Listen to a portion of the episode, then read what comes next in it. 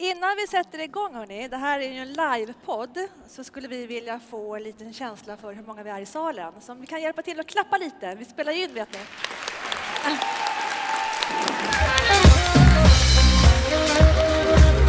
Jättebra, tack. Hej och välkomna till Lönepodden där vi vill lyfta, stärka och inspirera er som arbetar med löner. Jag heter Katarina Sand och jag arbetar på rekryteringsbyrån WISE Professionals där vi bland annat hyr ut och rekryterar lönekompetens. Lönepodden gör vi i samarbete med SRF-konsulterna och med Knowit Insight. Vi har gjort 57 avsnitt sedan januari 2018 och vi har nu i morse när jag tittade 106 749 lyssningar på den här tiden, vilket känns helt enormt. Ja. Eh, vi befinner oss alltså här nu på Ekonomi och företagsmässan i Kista den 28 september för att livepodda för första gången. Hur har vi lagt upp det här då? Jo, vi har bjudit in tre av våra gäster i Lönepodden som alla varit med på mycket intressanta teman. Pia Scherman, lönechef på Arla Foods. Hej. Helena Jangel Strid, verksamhetsutvecklare på Skatteverket. Och Milena Gelbring, lönekonsult på det egna företaget Passion for Payroll och dessutom vinnare av årets SRF auktoriserade lönekonsult 2021. Och såklart min kära bisittare Senny Sjölund, branschansvarig för lön på SRF-konsulterna. Eh, sen när vi klurade på upplägget till podden här så sa vi att vi måste få, vi måste få upp liksom värmen och kanske lite skratt här i, i publiken. Så vi har fem snabba frågor som vi tänker att ni alla får svara på. Och då tänker vi så här att om ni svarar ja, då räcker ni upp handen och svarar ni nej så gör ni ingenting. Okej? Okay? Tittar du alltid på din lönespecifikation? var lite 50-50 då. Ja. ja. Ehm, stämmer du av dina uppgifter regelbundet på mina sidor på Skatteverket? Och det var knapert. Där har vi lite att jobba på. Verkligen. Eh, har du ITP1 eller ITP2? Räck upp handen om du är en ITP1-are. Okej, det var inte så många. Och ITP2? Okej. Och då har vi en sån här liten fråga som ställer sig till eh, om du själv är bra på att lönerförhandla. Det är såklart vi är. Ja, gästerna är ja. helt med på den. Okej. Okay. Och sen vår sista fråga. När du är på fest, får du ofta frågor om lön då? Det var rätt många. Det kan vi konstatera att det är ett hett ämne även på fester. Yes. Okej, okay, hörni. Pia Scherman, ja. lönechef på Arla Foods. Du gästade Lönepodden i maj 2020 för att berätta om er snabba digitala omställning, bokstavligt talat över en natt. Det är stort i sig, men på Arla var det väldigt stort, för där hade löneavdelningen jobbat på kontoret 9 till 5 i alla år.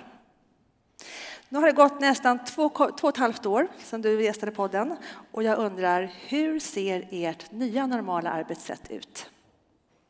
Ja, numera så har vi liksom inte kommit tillbaka till det normala utan vi kallar det för modern working helt enkelt. Och det innebär att hela huvudkontoret och alla tjänstemän som finns ute på våra elva sajter eh, jobbar i en hybrid helt enkelt.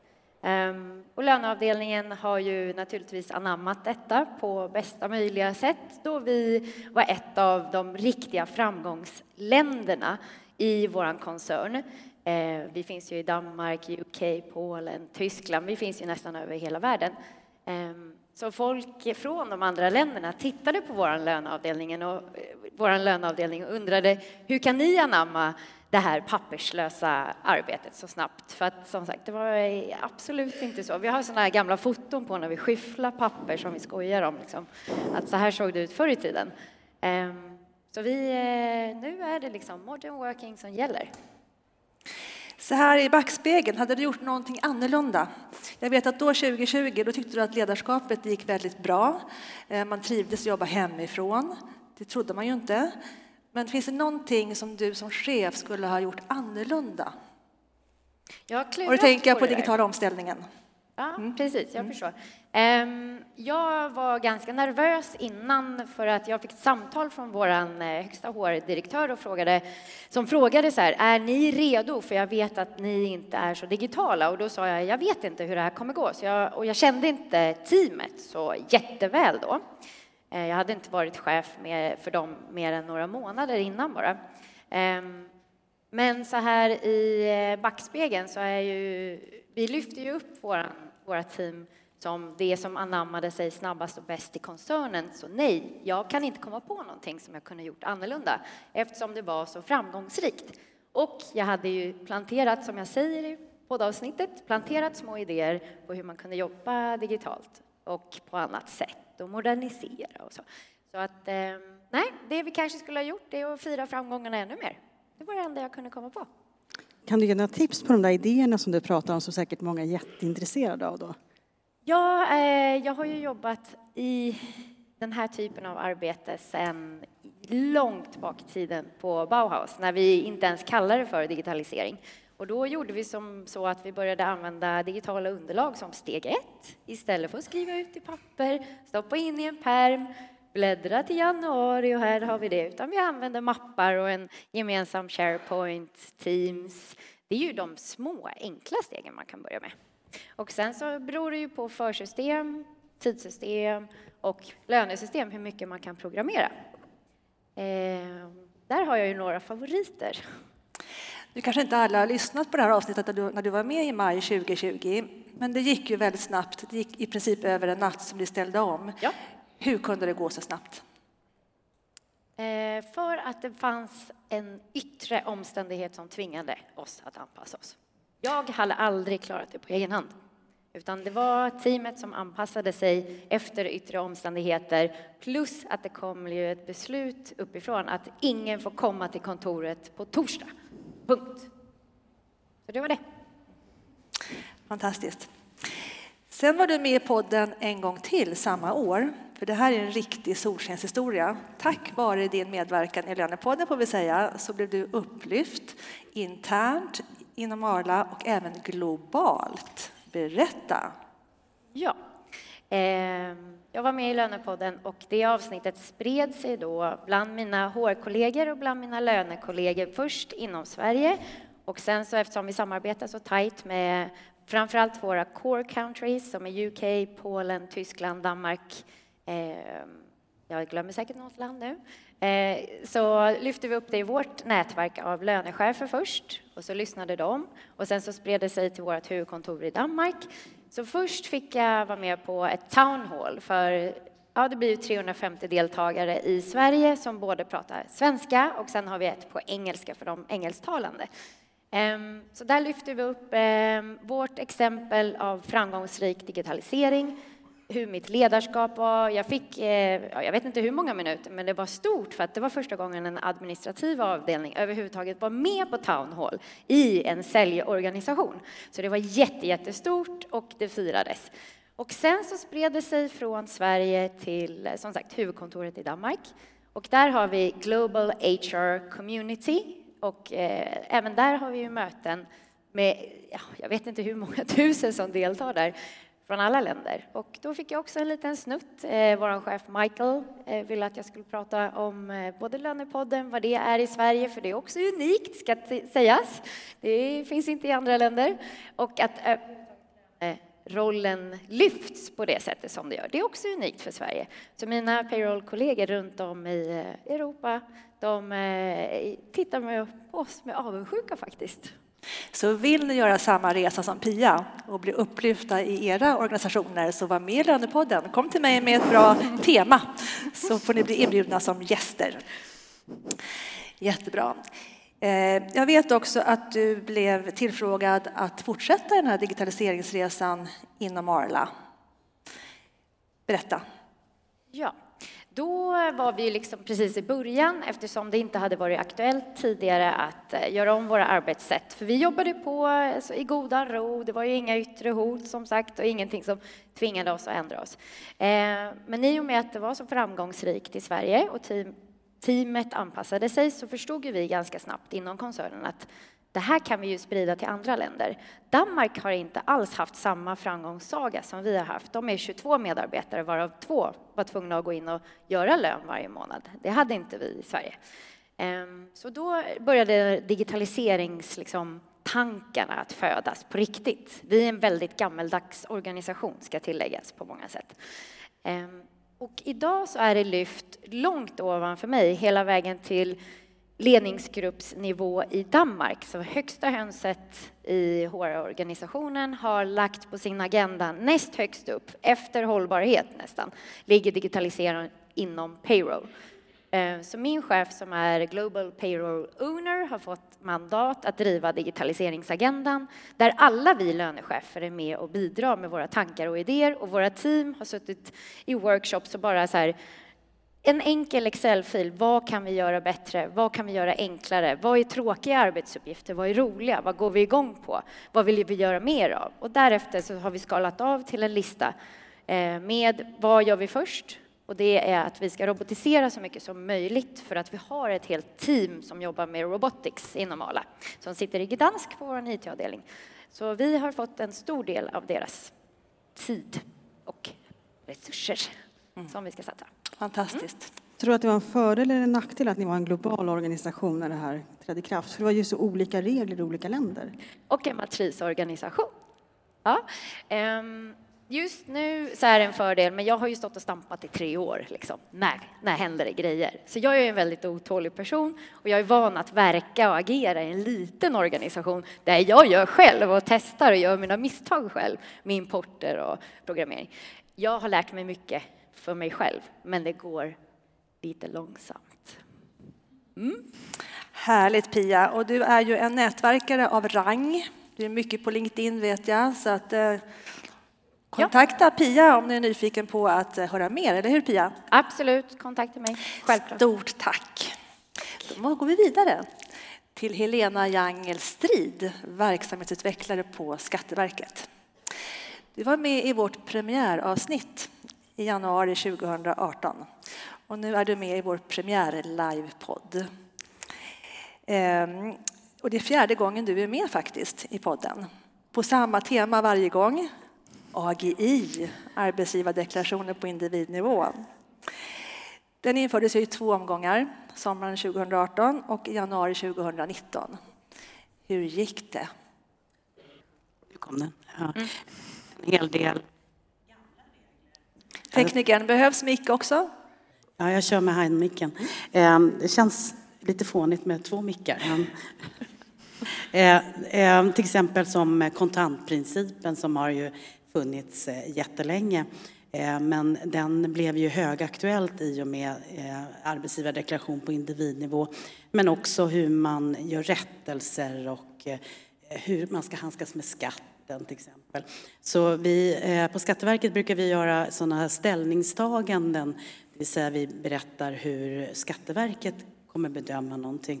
Och eh, jag pratade med vår eh, rättsavdelning och de sa att stora delar av de där skulle vi kunna skrivit före införandet av individnivå men, men de blev så aktuella och kom upp till ytan just med, med införandet. Sedan hade vi ju en del prestandaproblem i början när vi införde eh, arbetsgivardeklarationen. Vi får ju in ungefär 450 000 arbetsgivardeklarationer varje månad och cirka 10 till 12 miljoner individuppgifter. Eh, och eh, det var ganska segt i början. Ibland stod det till och med still någon timme då och då. Men eh, det här är ju någonting som vi har, eh, så vi har inte de problemen länge, längre utan vi har jobbat på fullt med det där. Så vi har inget problem med prestandan. Eh, men vi har ju ungefär eh, eh, 468, 000, eh, eller 4, 468 miljoner individuppgifter som vi har sparat. De sparas ju för evigt, eller av väldigt lång tid. Och vi får in ungefär, ja, som sagt, 450 000 eh, arbetsgivardeklarationer varje månad. Så att det är stora volymer, men nu är prestandan... Verkligen. Eh, och jag vet att du har förberett det är två frågor som är väldigt vanliga, som ni fortfarande får väldigt många frågor om. Och det är ju rättelser och hur gör man om det har blivit fel i skatteavdraget? Så jag vet att du har förberett svar på det. Ska vi ta det? Eh, ja, men det stämmer. Det kanske är svårt att totalt göra en djupdykning i det, för det beror lite på Eh, vad man ska eh, vad man ska rätta. Men, men rätta gör man ju enklast på samma sätt som man lämnade in sin arbetsgivardeklaration. Och de flesta lämnar ju in antingen via fil eller via sitt system där man har en API-lösning. Eh, och eh, man gör på samma sätt. Sen, sen så är det ju så att eh, just när man ska rätta så är det problem kanske med kvittning och återkrav. Och, och jag, ehm, har i och för sig skrivit ner hur man ska göra, men jag skulle ändå rekommendera att man går in och tittar på skatteverket.se. Eh, för det är ju lite tekniskt och man måste fylla i vissa rutor och sådär. Eh, det som man ska tänka på är att normalt får man ju aldrig sänka skatteavdraget. Utan skatteavdraget eh, det tillgodoförs den anställde i och med att man lämnar den första arbetsgivardeklarationen. Så normalt sett aldrig eh, sänka skatteavdraget. Däremot kan man höja skatteavdraget om det visar sig att man har redovisat, redovisat en, eh, ett, eh, eller att man har gjort ett större skatteavdrag än man tidigare redovisat. Och naturligtvis höja och sänka lönen. Eh, men just det där med skatteavdraget är ett av de, fortfarande ett av de vanligaste felen som vi har. Eh, och eh, skatteavdraget kan ju aldrig bli mindre än noll.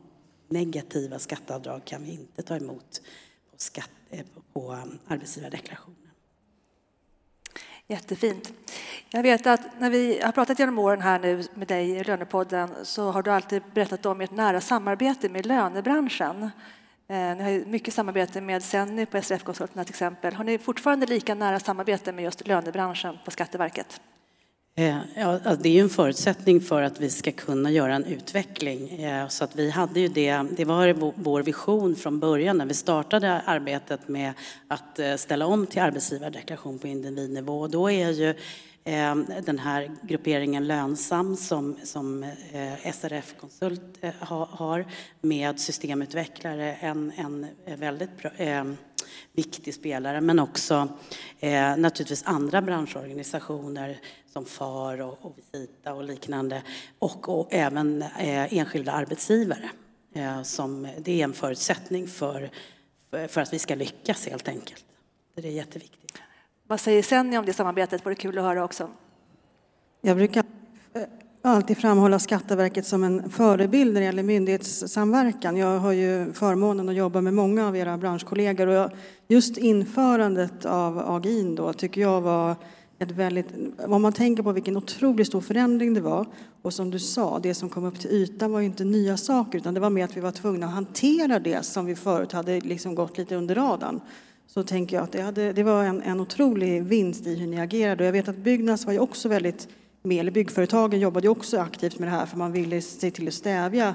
Eh, och, och, nu har vi ändå en möjlighet att, på, få alltså att kontrollera uppgifter med korttidsstöd och annat på ett sätt som gynnar alla på det sättet. Så att jag skulle säga att, att Skatteverket gjorde det väldigt bra och jag tror att det också på Skatteverket uppfattas som ett väldigt bra införandeprojekt. Eh, ja, absolut. Det, eh, det blev en Ehm, jag ska inte säga succé, det är ju ett stort projekt, eh, projekt naturligtvis, men in, själva införandet och eh, eh, hur vi kom ut med, med budskapet om förändringen, det, det gick väldigt bra faktiskt. Jag vet att pandemin, ni fick ju hantera mycket kring korttidsstöd och allt det här, så att ni hade inte så mycket tid liksom att komma med en massa nyheter. Men nu när ni har kommit ur det värsta, vad är på gång på Skatteverket nu? Kan du avslöja någonting eller är det fortfarande så att du inte riktigt kan berätta det? Eh, ja, absolut. Eh, vi eh, har en sak på gång till nästa år som vi kallar för buntsignering. Vi har så trevliga namn på allting. Men jag tror att det kommer bli väldigt bra. Det är så att som det är nu så måste man ju in och signera varje deklaration för sig. Men här är, det här är en, en eh, funktion som är fristående på webben eller kommer bli då. Och då är, om jag är ombud för flera företag, jag kanske ändrar min egen folkbokföring. Så all, allting som jag har behörighet till kan jag samla i en, en, en bunt eh, signering och signera en signering. Så jag behöver inte Ehm, eh, min folkbokföring för sig, eh, de företag jag är ombud för eller koncernen som jag lämnar. Utan jag kan samla rättelser för flera bolag, momsdeklarationen och så. Men eh, än så länge eh, är vi ju inte där utan vi på arbetsgivardeklaration, vi är först ut i början på nästa år och, och var möjlig att signera flera arbetsgivardeklarationer på en gång. Men som sagt, visionen och det vi jobbar för är att de, alla deklarationer ska kunna samlas till en signering. Det här är den största förändringen någonsin i en löneprocess. Så att, kan du berätta om vinsterna? Du, säg först vad du tänkte säga först. Då, men sen först, först kan jag säga, så det som är lite roligt är att, att lönen fått bräschen för flera nya funktioner hos Skatteverket där man har testat först med arbetsgivardeklarationen. Sen har de andra eh, delarna kommit. Så där har faktiskt lönen i framkant också hos Skatteverket. Det tycker jag är, är väl värt att lyfta. Och då är det roligt att höra att det går i bräschen nu också. Förmodligen för att det funkar så pass bra som det gör. Det tror Helena. Eh, men sen fortsätt, fler vinster med, alltså, som vi har sett nu de senaste åren med, i och med det här införandet. Alltså jag tänker så här, det är ju lite sorgligt på ett sätt att vi får så få som tittar på mina sidor eh, i den hanteringen. Eh, lite så här, eh, och nu ska vi säga, ni frågar inte mig hur många gånger jag går in så jag ska väl vara ärlig också. Men, men om man tänker på den delen att man kan utveckla den hanteringen, men framförallt i att vi någonstans har den här kvalitetssäkringen, även om vi tycker det var jobbigt och införandet, så har man haft ett argument för att eh, kvalitetssäkra och styra upp processerna internt. Att det här gäller. Nu får man liksom företagsledningens öra i att det måste funka. För de här bruttolöneskulderna de har väl liksom orsakat ganska många huvudbry kan vi säga i den hanteringen.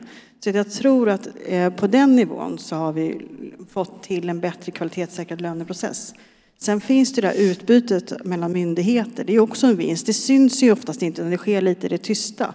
Men hoppas ju på att det ska komma eh, lite fler sådana. Och det är ju inte Skatteverket som styr det. Alltså de, ni styr delvis, men där är vi ju i händerna på, på juridiken och på regelverket som är kopplat till vilka politiska beslut som tas. Så att ibland får man tänka på vem man ska önska saker och ting av också.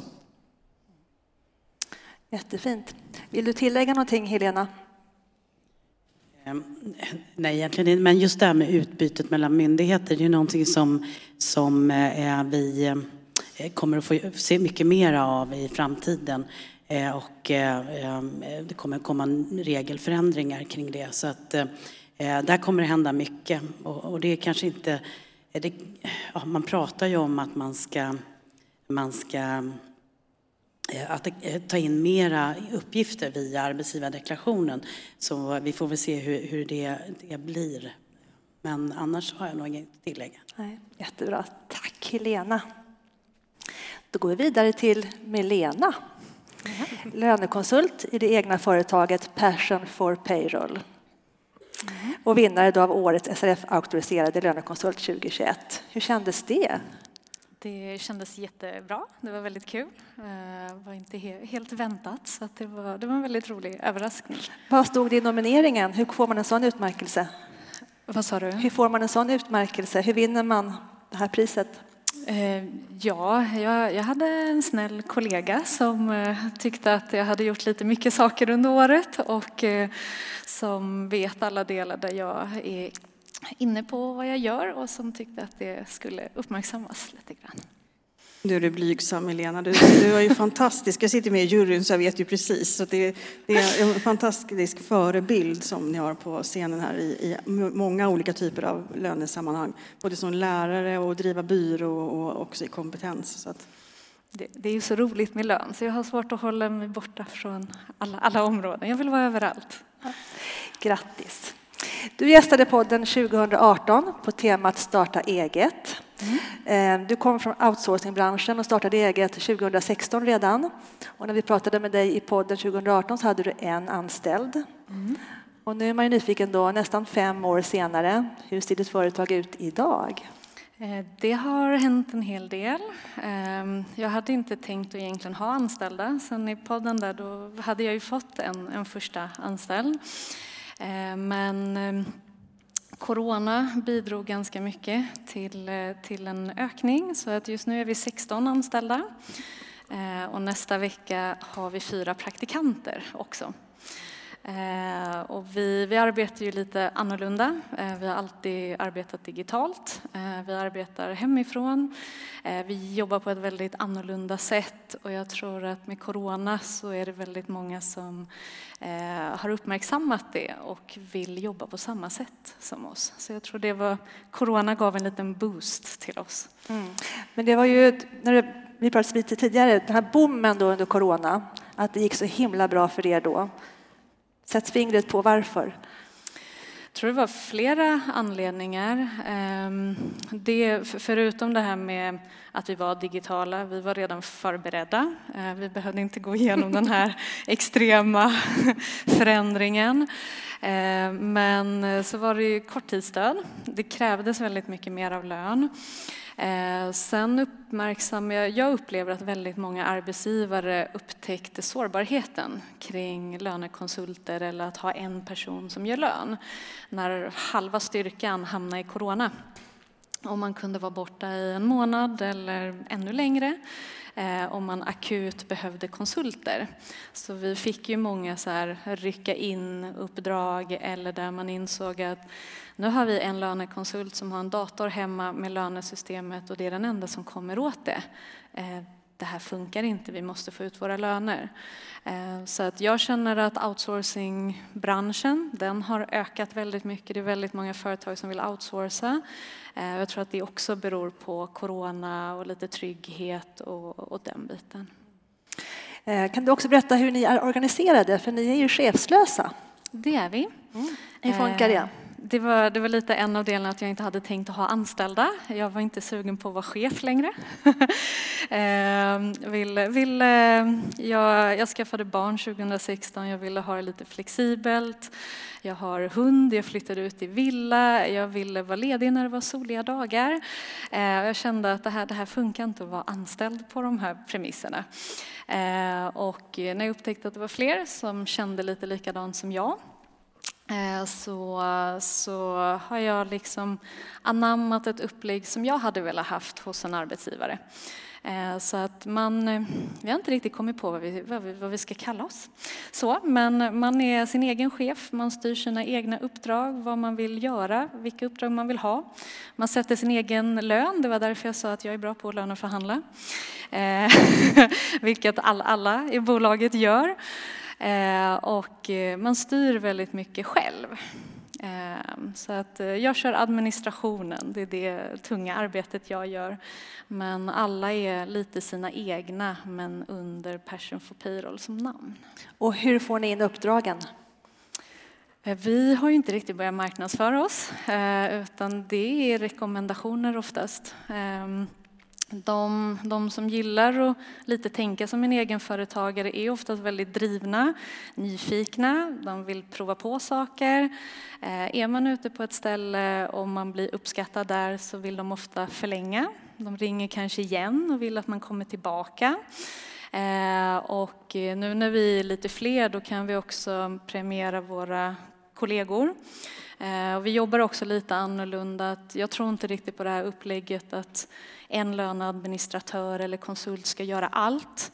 Eh, för det är så mycket juniora och seniora arbetsuppgifter. Eh, så att jag gillar att man oftast är två. Eh, så även om det är ett bolag som inte är jättestort så kan man vara två konsulter och så kan man dela så att en junior gör det jobbet som den tycker är kul och en senior gör det jobbet den tycker är kul och så har man samtidigt en backup. Så så jobbar vi. Jag vet att du är en väldigt målinriktad kvinna. Vad gör du om fem år?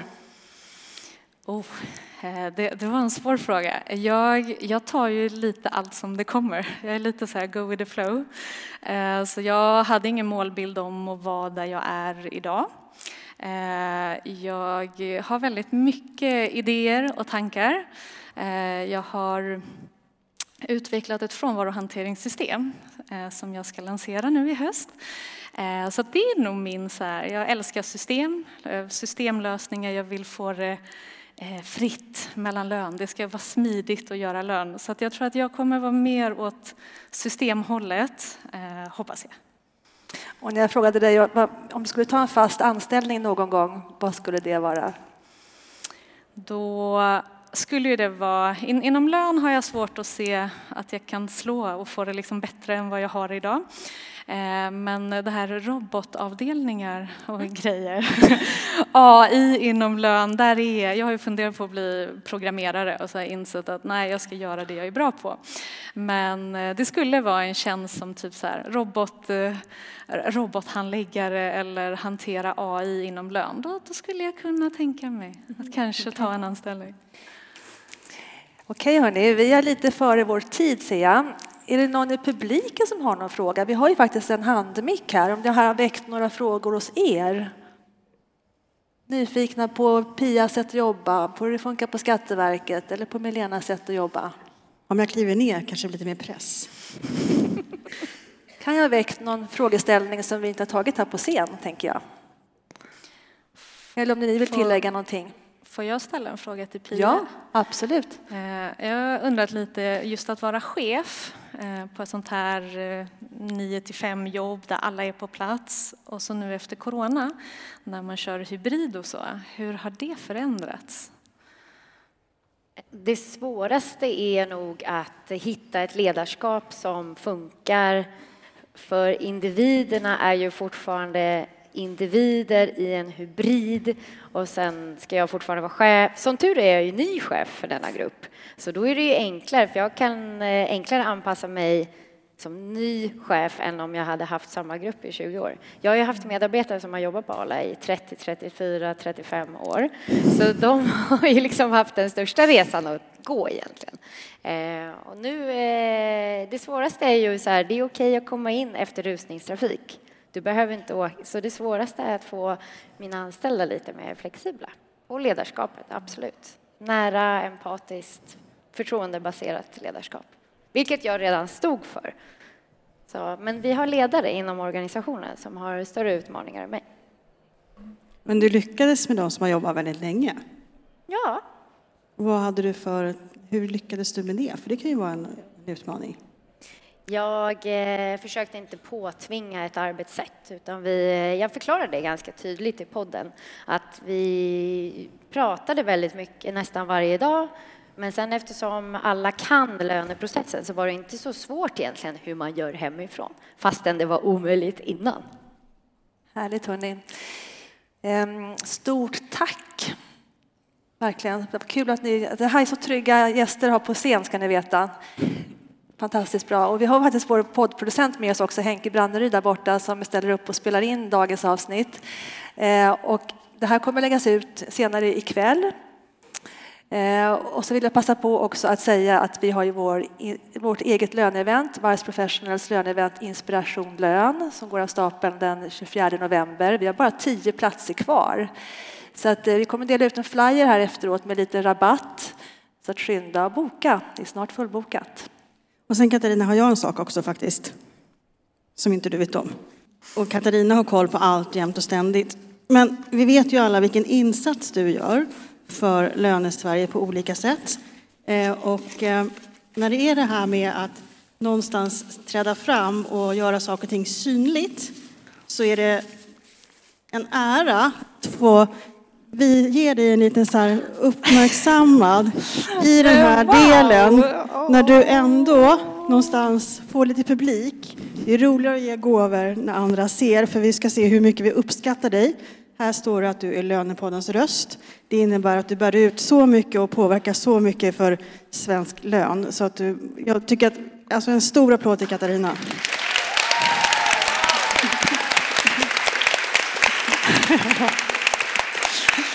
Och jag skulle så gärna vilja krama dig, men jag är ganska förkyld så jag vågar inte. Jag vill inte smitta dig. Men tack, tack. Och vi vill tacka er alla också med blommor från Wise Professionals. Tack för att ni ställde upp. Ehm, ja. Ett sluttjut kanske? Ja, ett sluttjut så att vi liksom går ut nu till hela Lönesverige och berättar hur många vi som har lyssnat på det här nu då. Ja.